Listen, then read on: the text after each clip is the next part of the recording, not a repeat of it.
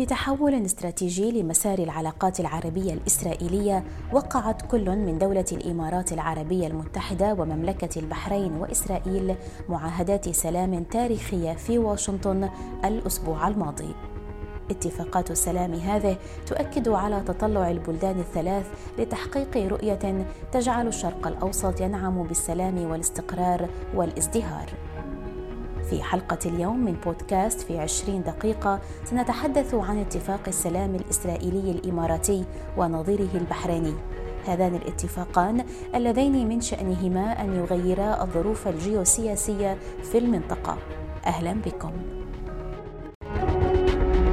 التاريخ الثلاثاء الخامس عشر من أيلول سبتمبر عام 2020 المكان حديقة البيت الأبيض في العاصمة الأمريكية واشنطن. أما الحدث فهو التوقيع على معاهدة سلام تاريخية بين دولة الإمارات العربية المتحدة وإسرائيل من جهة واتفاقية إعلان تأييد السلام بين مملكة البحرين وإسرائيل من جهة أخرى.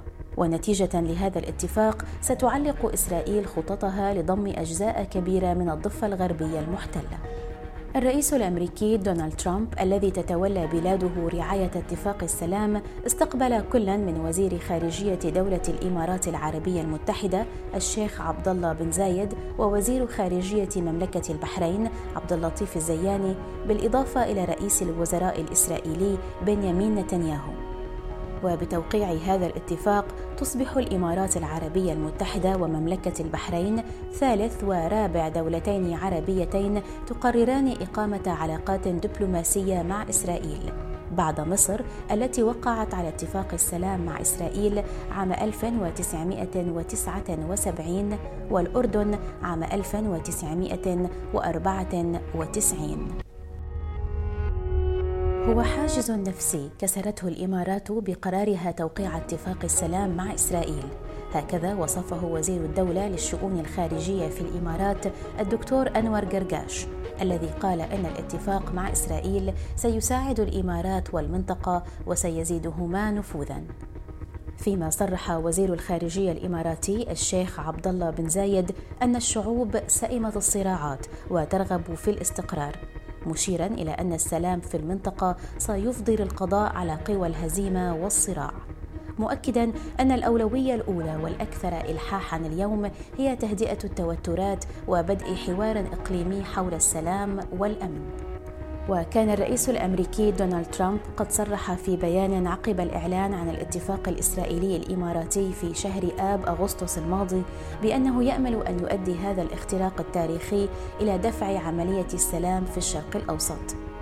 مضيفا أن فتح العلاقات المباشرة بين اثنتين من أكثر المجتمعات ديناميكية والاقتصادات المتقدمة في الشرق الأوسط سيغير المنطقة. من خلال تحفيز النمو الاقتصادي وتعزيز الابتكار التكنولوجي وإقامة علاقات أوثق بين الشعوب. ويتلخص مضمون الاتفاق الإماراتي الإسرائيلي في أربعة نقاط رئيسية. وهي تعليق إسرائيل خطتها لضم أجزاء من الضفة الغربية المحتلة وإقامة الإمارات علاقات دبلوماسية كاملة مع إسرائيل بالإضافة إلى تبادل الاستثمارات بين البلدين وتوقيع اتفاقيات ثنائية في مجالات التربية والتعليم والتجارة والسياحة والأمن. وفي مقابلة خاصة مع تلفزيون الآن تحدث السفير حمد العامر وكيل وزارة الخارجية البحرينية للشؤون الإقليمية ومجلس التعاون سابقا عن دوافع البحرين لإبرام اتفاق السلام مع إسرائيل في هذا الوقت تحديدا. نحن آه، يجب أن نعرف أن البحرين هي آه، يعني من الدول التي كانت ترى أن السلام مهم في في منطقة الشرق الأوسط وعملت من أجل السلام قبل أن توقع اليوم هذا الاتفاق التاريخي الذي مثل ما يقولون يعني كسر آه، جدار الصمت. البحرين كانت تهدف إلى السلام من قبل أن توقع اليوم هذا الاتفاق التاريخي. ولذلك أعتقد إن آه، إن إن إن إن, إن أبعاده آه، تعود إلى فترات طويلة بالنسبة لمملكة البحرين. النظرة المماثلة فيما يتعلق بالتهديدات والفرص في المنطقة فضلا عن الالتزام المشترك بتعزيز الاستقرار من خلال المشاركة الدبلوماسية وزيادة التكامل الاقتصادي وتعزيز الأمن كانت جميعها عوامل محركة ورئيسية وراء هذا الاتفاق. فالمعاهده الإماراتية الإسرائيلية ونظيرتها البحرينية يمكن أن تدشن تعاونا وتنسيقا اماراتيا وخليجيا أيضا مع إسرائيل في محاصرة التهديد الإيراني للمنطقة الأمر الذي أشار إليه السفير حمد العامر. اليوم حقيقة وجود إسرائيل في تحالف مع دول الخليج سوف يكون له شأن كبير في رد هذه الموجات المتلاحقة من التهديدات. اليوم الأذرع الإيرانية ممتدة في كل مكان في العالم العربي. لقد خلاص العراق انسيه. أصبح للأسف بلد جميل من أجمل البلدان في العالم العربي. أصبح تحت السيطرة الإيرانية. سوريا طبعا دمرت وبفضل طبعا التدخل الإيران فيها. حزب الله متحكم في لبنان غزة تعيش حالة آه، من من من التحالف الوثيق آه، الكاثوليكي نقدر نقول عنه مع مع مع إيران. الحوثيين من الجانب الآخر يضربون في السعودية من الخاصرة الجنوبية. أعتقد أن هذا واضح جدا، التهديدات هذه يجب أن تردع، يجب أن يكون هناك قوة أخرى تساعد على وقف هذا النزيف الهائل من التدخلات. واعتقد ان السياسة الامريكية السياسة الامريكية تقوم في في تقوم على حماية إسرائيل ووجود القوات الأمريكية ووجود هذه السياسة ووجود إسرائيل كدوله حليفة لدول المنطقة سوف يكون رادع كبير لحماية أمن المنطقة. وبحسب مركز الإمارات للسياسات فإن هذه المعاهدة ستساهم في تقوية ما عرف تاريخيا بمحور الاعتدال في المنطقة والذي يضم بالإضافة إلى دولة الإمارات العربية المتحدة كلا من مصر والمملكة العربية السعودية والأردن. في مواجهة محور آخر راديكالي ضم بالأساس قطر وعدد من الدول غير العربية إلى جانب بعض التنظيمات من دون الدولة. والفرز بين هذين المحورين تم عبر سنوات عديدة بناء على مواقف أطرافهما من عدد من القضايا المهمة في الإقليم. كان من بينها الموقف من الصراع العربي الإسرائيلي إذ بقي هناك خلاف بين الجانبين حول آليات إدارة هذا الصراع. فبينما مال محور الاعتدال إلى منح اعتبار أكبر لآليات التفاوض والحوار المباشر مال المحور المقابل إلى الاعتماد على آليات راديكالية بما فيها التنظيمات العنيفة من دون الدولة. وقال صقر غباش رئيس المجلس الوطني الاتحادي إن معاهدة السلام الإماراتية الإسرائيلية تعكس ثوابت السياسة الإماراتية وإرثها التاريخي العظيم في الانفتاح على كل دول العالم وفق ما يحقق مصالحها الاستراتيجية العليا والتعايش مع مختلف الحضارات والثقافات والأديان تبعا لقيم ومبادئ التسامح. وترى الكاتبة الدكتورة فاطمة حمد المزروعي أن هذه المعاهدة ستحرك عملية السلام نحو آفاقها الإيجابية بعد أن كانت تراوح مكانها مضيفة أنها تمثل رؤية واقعية متجاوزة الحدود الوهمية التي رسمها من تاجر بالقضية الفلسطينية. مشيرة إلى أن أكثر من خدم القضية الفلسطينية على الصعيد السياسي هم الذين وقعوا معاهدات سلام مع إسرائيل. وتقول الكاتبة إن معاهدة السلام الإسرائيلية الإماراتية ستكون لبنة جديدة في العمل الدبلوماسي والسياسي فهي ستساهم بلا شك في تحريك القضية الفلسطينية وإخراجها من الجمود الذي يغلب عليها. الموضوع الفلسطيني أو قضية الشعب الفلسطيني أو الصراع العربي الإسرائيلي صار له الآن 72 سنة. من موجود كبند دائم في مجلس الأمن وفي آه، الجمعية العامة للأمم المتحدة. دخلت الدول العربية في ثلاثة حروب في 48 67 و 73 ماذا استفدنا؟ لا شيء كل حرب كنا نخسر أرض كل حرب كنا نخسر أراضي كيف استطعنا أن نستعيد أراضينا؟ لقد استطاع المرحوم الرئيس أنور السادات والمرحوم الرئيس الملك الحسين أن يستعيد أراض أن يستعيد أراضي بلديهما بالمفاوضات وبالتوجه إلى السلم. فليس هناك أفضل من أن يكون هناك سلم. هذا السلم سوف يفتح الآفاق لمزيد من التفاهم والثقة بين بين الشعوب وبين القيادات. ولذلك لما يقول معالي وزير الخارجية البحريني هو خطوة؟ نعم هو خطوة. وخطوة سوف آه، نرى إن هي سوف تفيد كثيرا القضية الفلسطينية. ولكن ما هو المطلوب؟ ليس المطلوب فقط الآن من الامارات والبحرين آه، آه، عندما قاموا بهذه الخطوة وكانت مثل ما يقولون آه، يعني قيادات شجاعة تقدمت بهذا التطور المهم جدا. لكن المطلوب أن يكون هناك تفهم فلسطيني. الأخوة في فلسطين يجب أن يقعدون مع بعض. هناك انقسام. هناك انقسام آه، استفادت منه منه قوى إقليمية لمصالح وأهداف.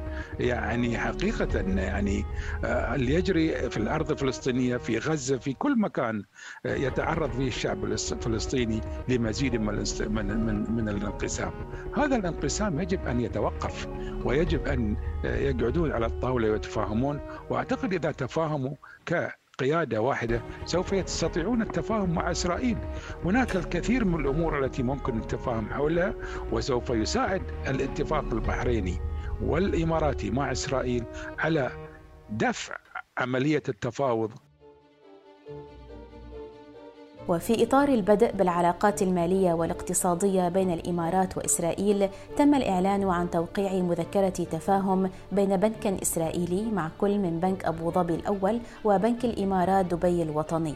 فيما صرح شين نيلسون الرئيس التنفيذي لمجموعة بنك الإمارات دبي الوطني أن هذه الخطوة تنسجم مع أهداف الجانبين في إقامة علاقات تعاون على المستويين الاقتصادي والتجاري. وشهد الشهر الماضي وصول أول رحلة طيران رسمية إسرائيلية إلى الإمارات وهو ما اعتبر خطوة رئيسية على طريق تطبيع كامل للعلاقات بين الجانبين. كما أن التقارير تشير إلى أن المرحلة المقبلة ستشهد إنشاء سفارات متبادلة وتوقيع اتفاقيات ثنائية تتعلق بالاستثمار والسياحة والرحلات المباشرة والأمن والاتصالات والتكنولوجيا والطاقة والرعاية الصحية والثقافة والبيئة. لا سيما أن إسرائيل هي الدولة الأكثر تقدما في مجال التكنولوجيا في الشرق الأوسط وهي المكانه التي وصلت إليها بناء على الاختراعات الرائدة التي تقدمها. وكانت الإمارات قد ألغت الشهر الفائت رسميا قانون المقاطعة الذي تم إصداره قبل أربعين عاما. مما سمح للشركات والأفراد في الإمارات بإقامة علاقات تجارية مباشرة مع إسرائيل. وبدأ الوزراء من البلدين مناقشاتهم الرسمية حول فرص وآفاق التعاون الثنائي. خاصة فيما يتعلق بالأبحاث الطبية التي يؤمل أن تؤدي إلى نتائج واعدة فيما يخص لقاح وعلاج فيروس كورونا أو كوفيد 19 الإمارات العربية المتحدة هي الدولة الأولى من بين دول مجلس التعاون الخليجي التي تتجه نحو التطبيع وسط توقعات على نطاق واسع بأن تحذو حذو الإمارات دول عربية أخرى من بينها سلطنة عمان والمغرب والسودان. في عام 2002 طرحت الرياض خطة للسلام خلال القمة العربية التي انعقدت في بيروت في ذات العام. وتضمنت الخطة الاعتراف الكامل بوجود إسرائيل مقابل العودة إلى حدود ما قبل عام 1967 كما تنص المبادرة على إقامة دولة فلسطينية تكون عاصمتها القدس الشرقية وحل عادل لقضية اللاجئين الفلسطينيين وانسحاب إسرائيل من هضبة الجولان السورية المحتلة. وأراضٍ محتلة في جنوب لبنان مقابل اعتراف الدول العربية بها وتطبيع العلاقات معها. ويرى الدكتور أنور قرقاش وزير الدولة للشؤون الخارجية في الإمارات أن مبادرة السلام العربية هذه لا تزال حجر الزاوية في العلاقات العربية الإسرائيلية.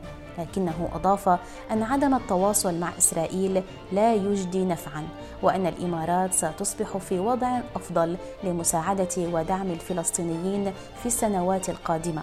يمكن القول إن أغلب إن لم يكن جميع تداعيات معاهدة السلام الإسرائيلية الإماراتية ونظيرتها البحرينية تسير في اتجاه إيجابي. لكن الأمر يبقى معتمدا على الدور الذي ستلعبه دول محور الاعتدال العربي بشكل عام. خاصة في مواجهة المحور الراديكالي في المنطقة. ما قامت به الإمارات؟ كسر جدار آه، الصمت كما كسروا قبل ذلك جدار الصوت عندما آه، ذهبوا بالمسبار آه، إلى الفضاء الخارجي. أعتقد إنها مبادرة عظيمة. الإمارات تقوم بعمل جبار وعمل متقدم جدا ليس في مجال فقط الاتفاق مع إسرائيل أو المجال الأمني. حقيقة الإمارات تعتبر اليوم هي مفخرة للأمة العربية كلها. كل ما نشاهده في الإمارات متقدم على كل شيء كل شيء. وهذه حقيقة. ولذلك لما يأتي الاتفاق الإماراتي ثم يليه الاتفاق البحريني أعتقد هي رسائل مهمة ومثل ما قال وزير الخارجية البحريني خطوة نحو السلام. ويجب أن أن العرب كلهم يستغلونها من أجل السلام. يجب أن تعيد الجامعة العربية منظورها لاستراتيجية السلام. يعني لم يعد بالإمكان أن نعيش على ما كان ما يكتب من قرارات في الجامعة العربية من عام 1950 و54 هذه الأوراق انتهت. صارت أوراق عليها غبار. اتفاقيات السلام الإماراتية والبحرينية الإسرائيلية هي تاريخية لكنها ليست الأولى. فهناك ثلاث معاهدات سلام بين دول وجهات عربية وإسرائيل وقعت بعد وساطة أمريكية خلال العقود الماضية. أول هذه الاتفاقيات كان في عهد الرئيس الأمريكي جيمي كارتر بتوقيع معاهدة السلام المصرية الإسرائيلية التي وقعها الرئيس المصري أنور السادات ورئيس الوزراء الإسرائيلي مناحيم بيغن والتي تبعت اتفاقية كامب ديفيد التي نتجت عن مفاوضات استمرت لاثني عشر يوما في المنتجع الرئاسي. وبعد الاتفاق المصري الإسرائيلي بخمسة عشر عاما كانت طاولة البيت الأبيض على موعد جديد مع اتفاقية سلام تحت اسم اتفاقية أوسلو تمت بين منظمة التحرير الفلسطينية وإسرائيل والتي وقعها الرئيس الفلسطيني ياسر عرفات ووزير الخارجية الإسرائيلي شامون بيريز والتي أشرف على توقيعها الرئيس الأمريكي بيل كلينتون. أما في عام 1994 وقعت كل من المملكة الأردنية الهاشمية وإسرائيل على معاهدة وادي عربة التي طبعت العلاقات بين البلدين وتناولت النزاعات الحدودية بينهما. يذكر أن موريتانيا الدولة العضو في جامعة الدول العربية أقامت علاقات دبلوماسية مع إسرائيل عام 1999 لكنها قطعت تلك العلاقات في عام 2010 كما أن إسرائيل لديها مكاتب تجارية في العاصمة العمانية والعاصمة القطرية بتمثيل منخفض.